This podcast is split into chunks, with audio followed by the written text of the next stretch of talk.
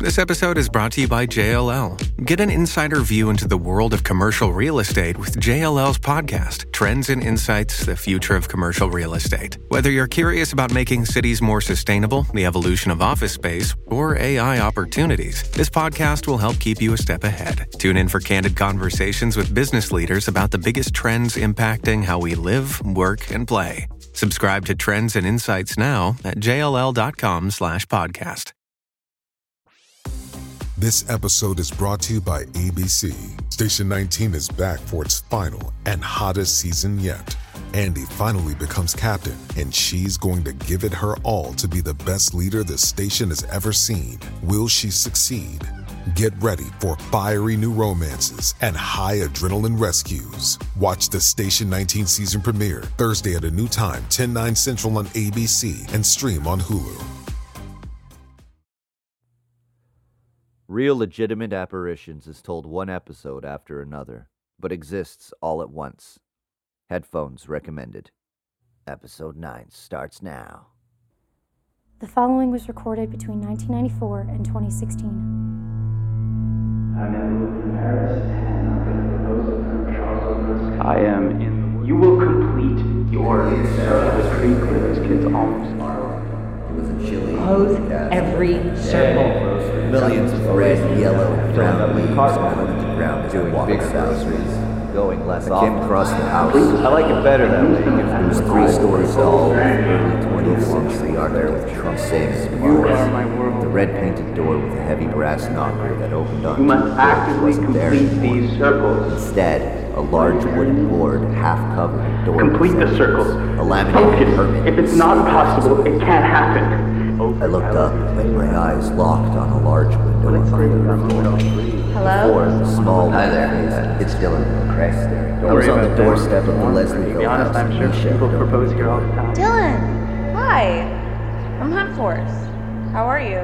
I'm fine. Uh, I just wanted to follow up with you about the Colonel. Behind Misha's smiling eyes flashed confusion. Oh, totally. Did you want to come in? Well, only if you're free. Yeah, I'm just looking after my nephew right now. We're playing with blocks and making cookies, so if you could just be really quick. Climbing these steps behind Misha filled my mind with the last time I was here. You brought your whole team. Hi, my name's Rachel. Misha. Rachel is the, uh, the the deputy assistant to the general, and this is Daryl. Desmond. Desmond. Hi, Desmond. Uh, What do you do with Hunt Force? Shall we go uh, have a chat? By this time, we had all piled into this crammed entranceway. Misha was standing on the bottom step of a steep flight of stairs. Sure, come on up. The stairs led to her apartment, which made up the top two floors of the townhouse. We all followed her, Thomas and I carrying our large duffel bags of equipment. Hi, everyone. When we reached the top step, another young woman was there, greeting us. Everyone, this is Amy. Hi. Hey. But Amy wasn't waiting for us at the top of the stairs. Instead, there was a little boy who was sitting on the living room floor surrounded by dozens of blocks strewn across the floor. Edward, do you want to come say hi to Dylan? After I shook Edward's hand and he showed me a few of his blocks, I asked if I could check on the upstairs bathroom for follow up purposes. Misha said that after our visit, all of the water issues had stopped. She said that I might have, like, exercised whatever was going on in the bathroom out, and she asked if I'd been okay after the seizure. I told her again everything was fine. Did you want me to come with you? Nah, it's okay. Stay with Edward. I I know where it is. I'll just be a sec. As I opened the door to the bathroom, I wasn't sure what to do, but I also knew by now that that didn't really matter. I smiled at how simple it all was. I stepped into the room and looked around, trying to avoid looking at myself in the mirror. I crossed to the window and looked out at the sunny day. A bird flew past. I turned around. I looked in the bathtub. There was no water flowing. And then, like I knew would happen, Edward ran into the room. Hello. Hi. Edward pointed to the bathtub with his eyebrows bent in a quizzical knot. Is this your bath? Edward nodded as if that was exactly the right question to ask him. And then I remembered who was also in the bathroom with me Not right now, not in the way that Edward and I could see him, but here all the same. I turned to where Desmond had sat, was sitting, will sit on the toilet, and I told him what I needed to and wanted to. You're a good guy, Desmond. Rachel's gonna need you. Stick with her, and thank you. And then Misha came up the stairs. Eddie! Sorry, I just had to check on the cookies. Thanks for dropping by. And into the room. There you are! He's at that age where if you look away for one moment, he escapes, don't you? Yeah! Sorry about that. It's no problem. Actually, I think I'm already done here. Oh, yeah? Yeah. I just want to see that everything's settled. Okay, awesome. It's good to see you again. Did you want some cookies? You will Take some for the road. your circle. Came at the perfect time. Uh, I'm in my tent at lot 29 of Brent Campground in Algonquin Park. Uh, I've rented both lots, hers and mine. I'm about to head out and meet her for the first time.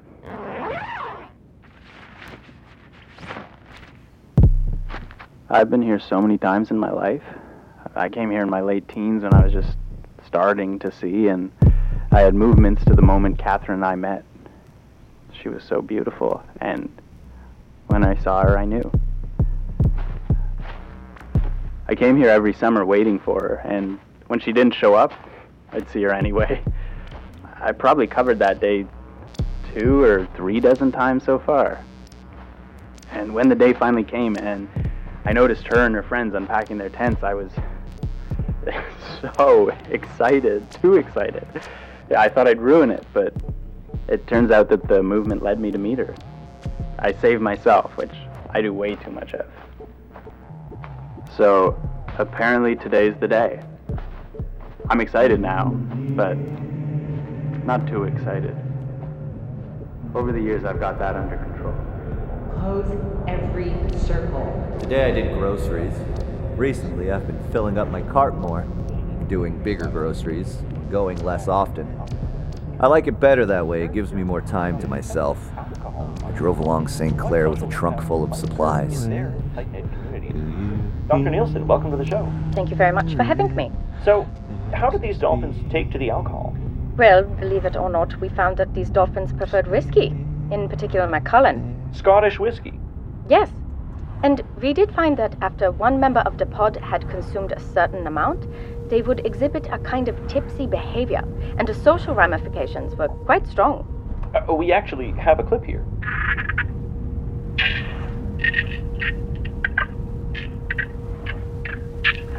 Yes, so what you're hearing here is the interaction between one intoxicated dolphin and their pod. Now, forgive me if I can't tell the difference between sober dolphins and tipsy dolphins, but is this normally how they sound? Because I'm just hearing a lot of clicking.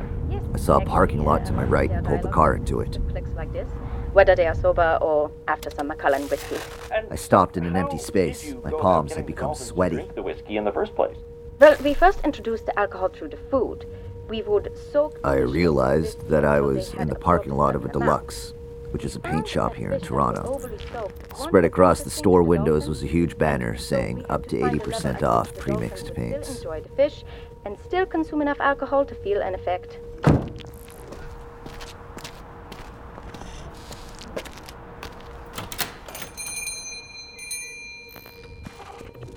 Hi there. Hi. I saw that you had paint for sale. I'm sorry. I saw I saw you had paint for sale. Yep, we do. It's on that wall over there. The sales price is on the sticker. I walked over to the wall of paint. I started looking at the paints from the left. Purity, which was an off-white, 20% off. Cave Pearl, a light creamy green, 30% off. Miami Jade, a stronger green, 40% off. Calypso Berry, a bright strong red which seemed familiar, 80% off. This the one? Yes, Oh yeah, that's a good sale. that's what I need. Well, then you came at the right time. Okay, This is it. thanks. This was the place. Behind this giant tree that I've watched grow over the last 40 years. This is it, big buddy. There she is. Her and her friends setting up their tents, Catherine's just finishing. She puts the last peg in the ground and then stands up. She walks to the picnic table by the fire pit and picks up her water bottle. She takes a big swig. Here we go. Hi.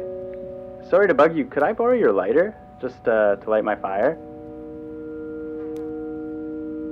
Oh, yeah, no problem. I'm just at the lot next door. Thanks. Yours are nice too. It's great setup. I'm Nathan. Hi, Catherine. Thanks for the lighter. How long am I here for? Oh, uh, a couple days. You? There's a great kayak rental place down at the lake.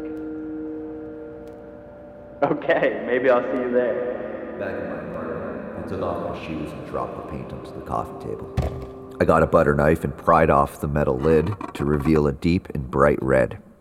I realized I might not own a brush. I went over to the wall of my apartment where the star chart hung.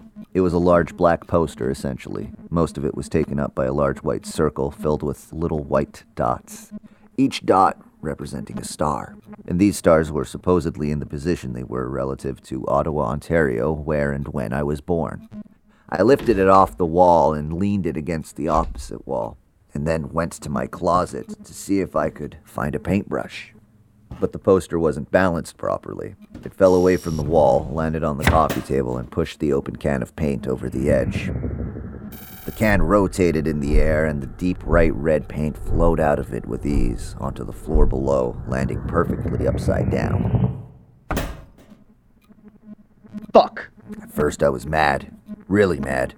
The paint was crawling like some kind of slime monster across the floor in all directions, soaking into the side of the rug, enveloping a dart that was lying on the floor.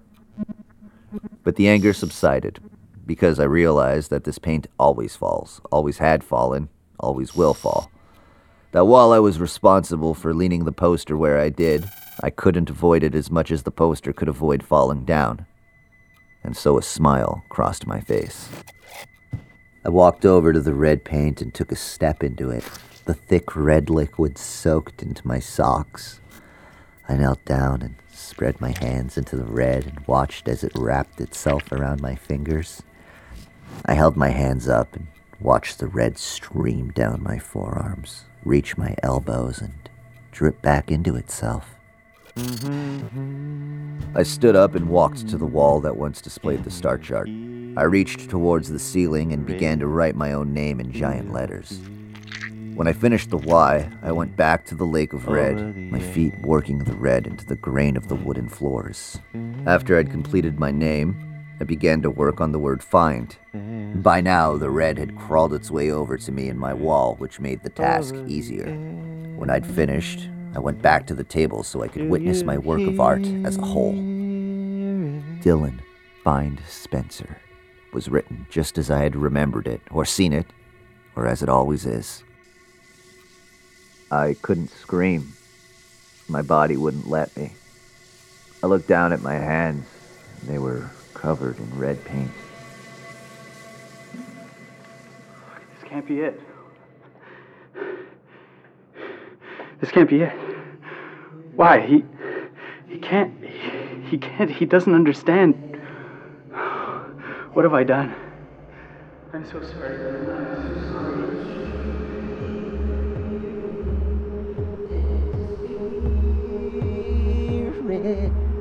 over the airwaves.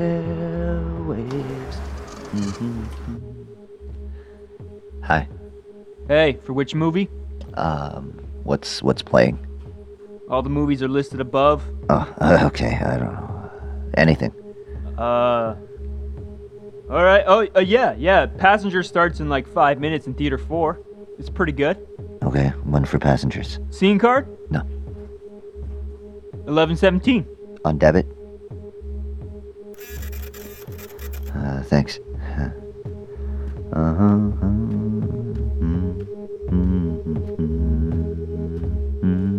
Hi. Ticket? Hi. The end of the hallway, on your right. Okay, here I am in the Scotiabank movie theater. I'm going to try and find, or remember, the cinema Ma- Ma- Maddie and I were in. They're all pretty similar.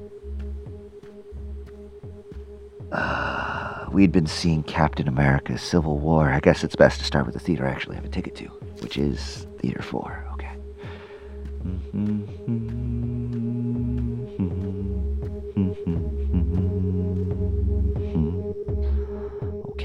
I'm in back of the theater now. I'm pretty sure this was around where Maddie and I were sitting. We always wanted the kind of third last row. yeah. Okay, now what was it? Um, Madison, I hate you and I want to leave you. I'm sorry. You can't be here for this. It's got to end. okay, next theater. Hate you and I want to leave you. Madison, I hate you and I want to leave you. It's not fair, I know. Not to me, not to you, but that's what it is. Madison. So this is how it starts. You hear this and it bangs around in your head. I go south and it ends. It is my fault. I hate you and I want to leave you. Madison, I hate you and I want to leave you.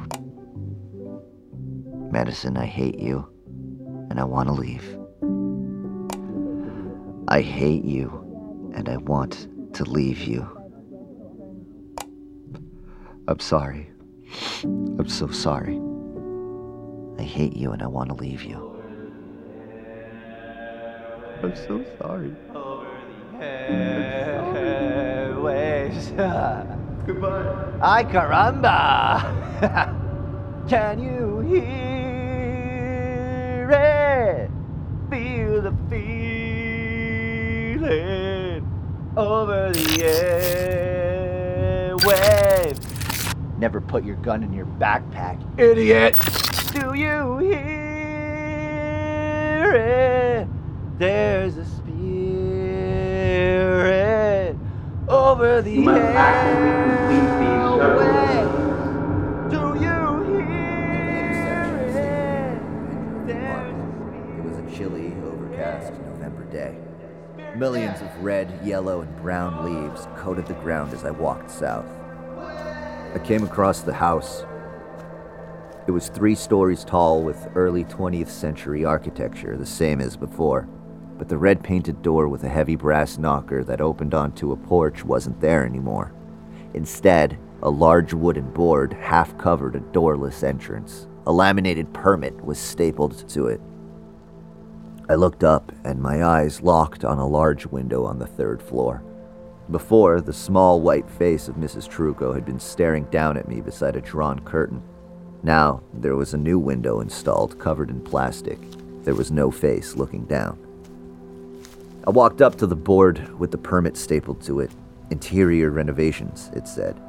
There was also a sign, private property, do not enter, taped below. I slipped past the board and through the open doorway. Miss Marnie Truco had lived in a house filled with dark, decorative wood. There had been wooden floors, an elaborate ceiling of woven wood and plaster. This had all been removed. The floorboards ripped up, walls stripped. The ceiling had been dismantled, revealing the beams holding up the floor above. It was like the whole house had been skinned. I continued down the hallway and came to the high ceilinged room. Before, this room had had a heavy wooden table, several chairs, and burning candles. The walls had been covered in wood paneling. Now, the room was empty, the floor ripped up, furniture gone, and the walls stripped bare, revealing the insulation. In one corner of the room was a large red tool kit with tools on the floor surrounding it. There was also a large cup of Tim Hortons coffee. But I could also see the table and the chairs and Tom and Marnie with candles burning on the table and their faces looking up at me expectantly. Or I thought I saw them.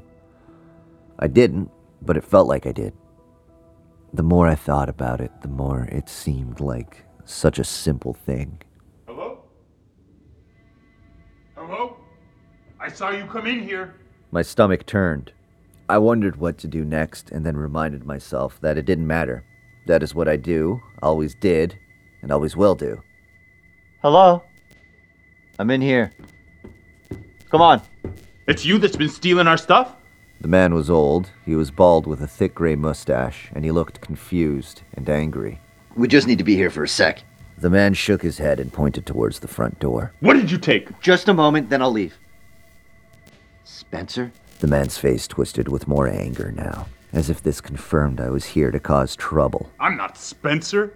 Get out of here or I'll call the cops. I didn't know where to go from here. I looked back to where I knew Tom and Mrs. Truco had been that night all those years, or months, or minutes ago. Is that enough? I can't stay longer. This is breaking and entering. He had his iPhone out to make a call. He looked at me as if he was used to dealing with people like me.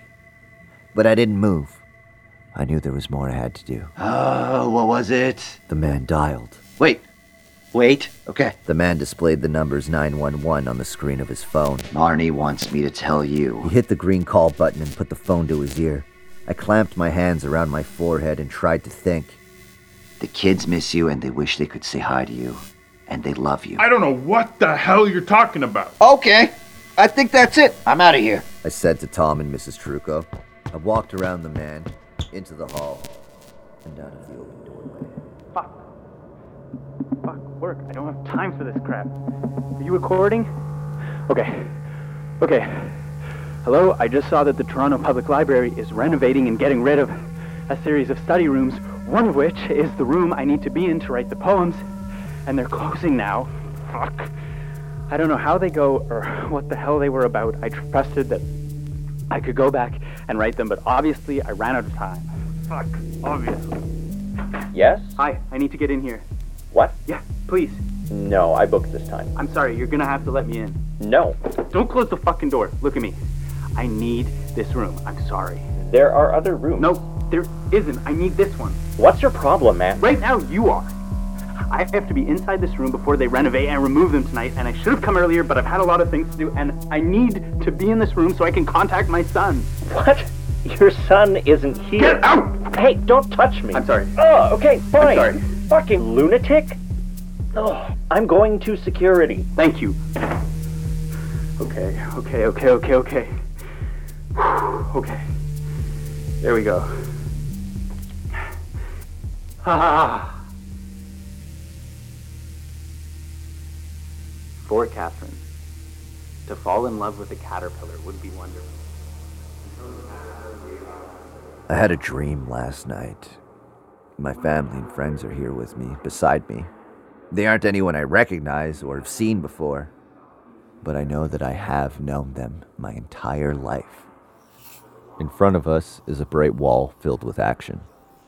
There are people walking and running and interacting, great animals lumbering, structures moving and swaying.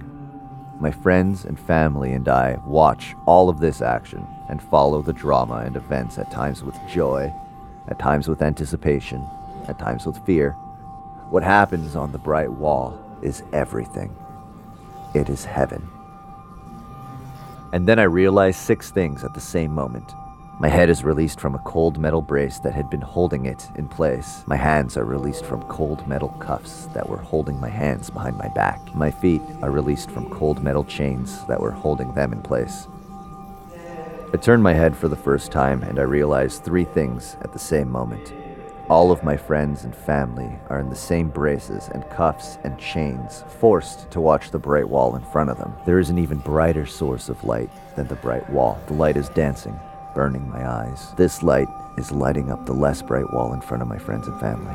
Things are moving backwards and forwards between me and the great bright fire. Things I've never seen before. Oddly shaped things, large and small things. All of these moving things are casting shadows in the bright light of the fire, and these shadows are dancing in front of my friends and family on the less bright wall in front of them. My friends and family and I haven't been watching people and animals and structures, but only shadows of the things moving backwards and forwards in front of the fire.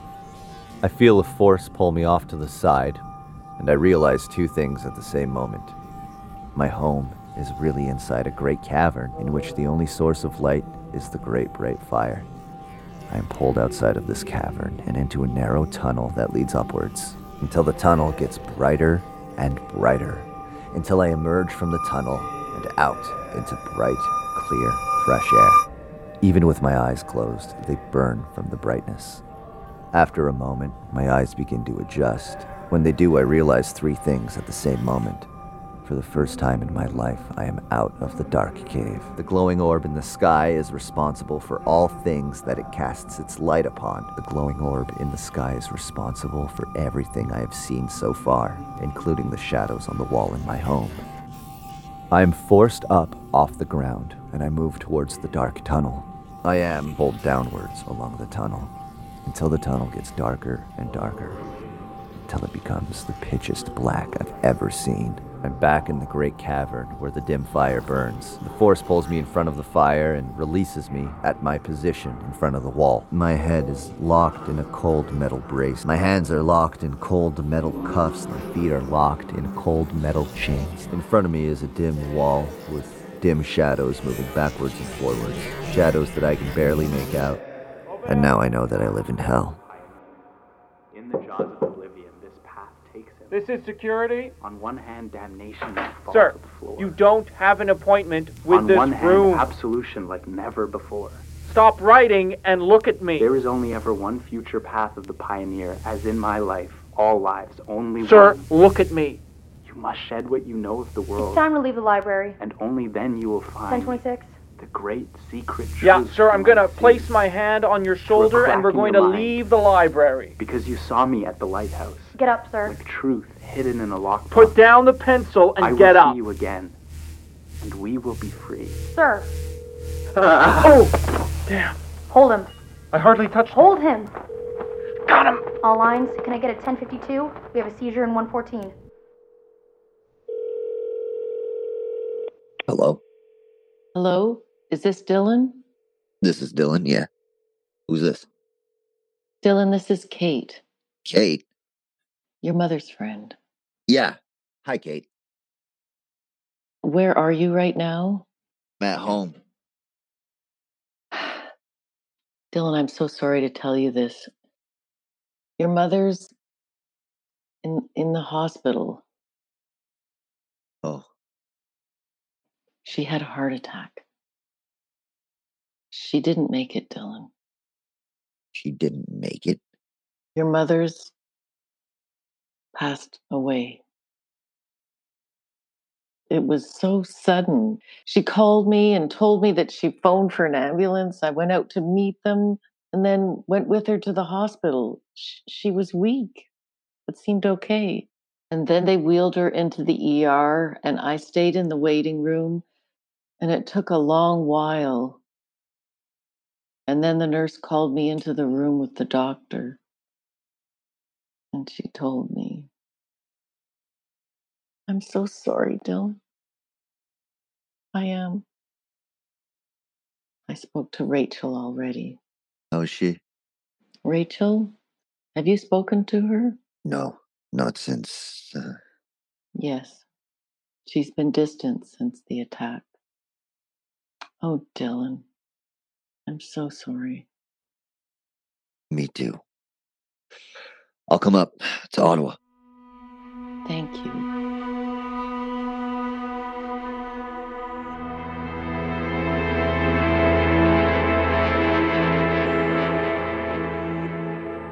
I drove up, saw Kate.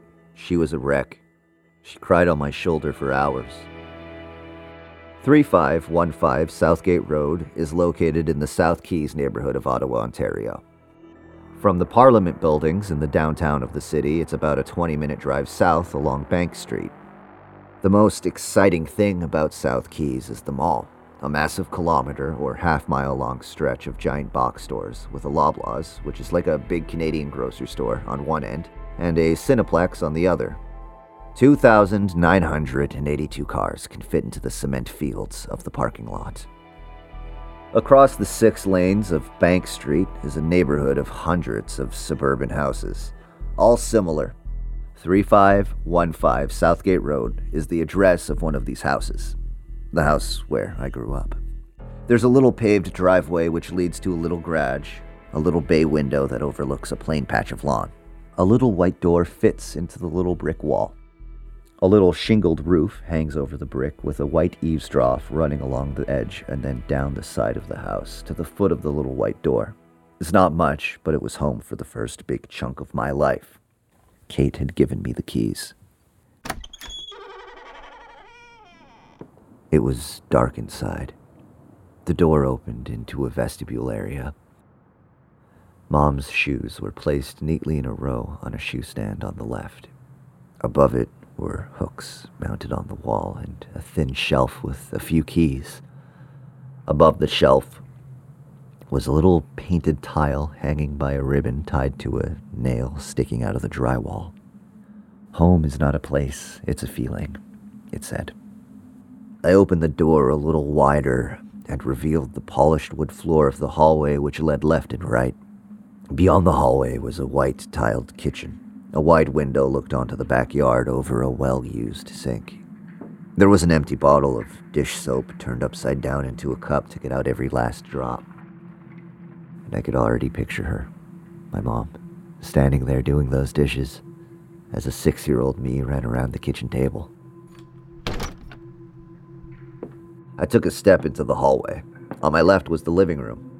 Two low blue gray couches, a low coffee table, and a little television in the corner. In front of each pane of glass in the bay window hung white plastic blinds. It was dark in here as well, with the blue evening light working its way through the strips of plastic. At the other end of the room is a sliding door leading to the backyard porch. The ceiling is tall, with exposed beams holding up the roof. Nothing had changed in 30 years. On my right, the hallway extended further. There was a bathroom on the left, simple. Mom's toothbrush and toothpaste stood in a mauve cup. The door on the right was Mom's room. Inside were pale yellow walls, a well made bed, closet, and a large makeup table in front of a mirror. On the table were pictures. A picture of Mom and Rachel and I from decades ago. Rachel couldn't have been older than eight. Beside this photo was a picture of me, maybe my high school graduation. I didn't recognize myself. I pictured my mom here, sitting in the same wooden chair that had sat here the day that Dad had left, and phoning us, telling me Kate and I are going for coffee, as she looked at a photo of me when I was 17. Further down the hallway was another door on the left. This had been Rachel's room. It had been cleaned up. The bed was perfectly made. Some of Rachel's childhood books filled a white cabinet. The light green walls were blank, cleared of all the posters she used to stick up. The closet door was closed. Inside were cardboard boxes filled with organized piles of Rachel's old toys, notebooks, stuffed animals. The room looked like it was made to host guests, but I know Mom hadn't hosted anyone but Kate for a while. I pictured Rachel, age 13, lying in bed with her feet in the air, reading a teen magazine. Get out, she'd say to me as I stood in the doorway. At the end of the hallway was the door that led to my bedroom. The walls in here were a pale red, a pink, Rachel had called it. But I liked it. This was the darkest room in the house so far, but my eyes had adjusted by now and I wasn't about to start turning on lights. The bed was meticulously made, like it had never been for the 20 years that I'd lived there. There was a dresser, a floor length mirror, a closet that might have been filled with boxes of toys and cars and figurines. I took a step into the room, and then I saw someone. In the mirror, a man is standing. He looked to be maybe 40, 35. He had a scruff of a beard. I couldn't really see his face in the darkness, but it seemed like he was looking at me. Welcome home, said the man. Who are you? I asked. I am, was, will be, you, he said. Do you live here? Yes, said the man, and then he continued. It's good to see that you finally made it. What are we doing here? I asked him. I still couldn't make out his face. Only time will tell. Only time will tell. I paused and thought about what to say next. It was a lot of pressure talking to your future past and present self. Mom's dead, I told him. I know, he said. You're an orphan. I'm not an orphan. I'm 35. 36? 30. You've lost your way, said the man. But he knew as well as I that I didn't have a choice. You used to have a choice. I thought I did, but I was always going to end up here with you. What a small minded way to think. I could see a glint off the side of one of his eyes. He looked me up and down, wondering what I could handle. You're a disgrace. The word rang through the empty, dark room. It sunk into my bed sheets. It curled into the boxes in my closet.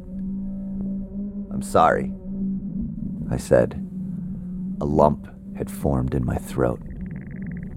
Maybe it's not what you wanted it to be or expected it to be, Dylan. But it is what it is. Don't say that, shouted Dylan at the mirror. You were dealt a pretty good hand and you ruined it. No, I didn't. Yes, you did. You know what it's like to be me? And now I was getting mad. My whole life, I've been rolling like a rock down a hill, and my whole life I thought I could control where I went and how I got there. But then you start to second guess, right? You start to discover that you can't choose or control or change as much as you thought you could. So you try harder and you push against it harder and harder. And the harder you try, the more you discover that you're just rolling and falling and you can't affect it or stop it or choose it. And you're trapped. And I'm trying, Dylan. I'm trying to fight for you here, but it feels like I'm fighting against the universe. Yes, I'm fighting against my life. Hey, at least we had some good times, right? Like what? Like the source. You liked working there? And Maddie, of course. Of course, Maddie. And Haunt Force. Remember? Yeah. You were the chief leader. I was the best. Tom was the executive field and operations manager. Yeah, yeah. That bullet sailed clean through his skull. The image of Tom lying on the floor dead with a hole in his forehead and blood flowing around his open eyes filled my mind. It was as if he was lying on the floor of my bedroom. We had some good times, but we didn't get anything done, the man said to the other man. No, he didn't. Look at Dad. At least Dad made you. What an accomplishment, said the man, and they both laughed. A pause filled the room. It was a crushing pause. The words the man had said were bouncing around the child's room like hundreds of small bouncy balls. I've closed all the circles. No, you haven't. I haven't? Dylan, Dylan, Dylan. You've barely even begun.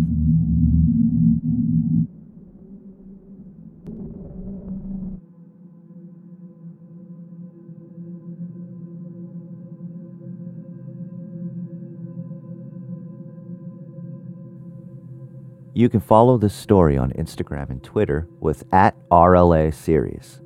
Please consider visiting patreon.com slash RLA Series to support the show and reviewing it on your favorite podcast app. Thank you for listening.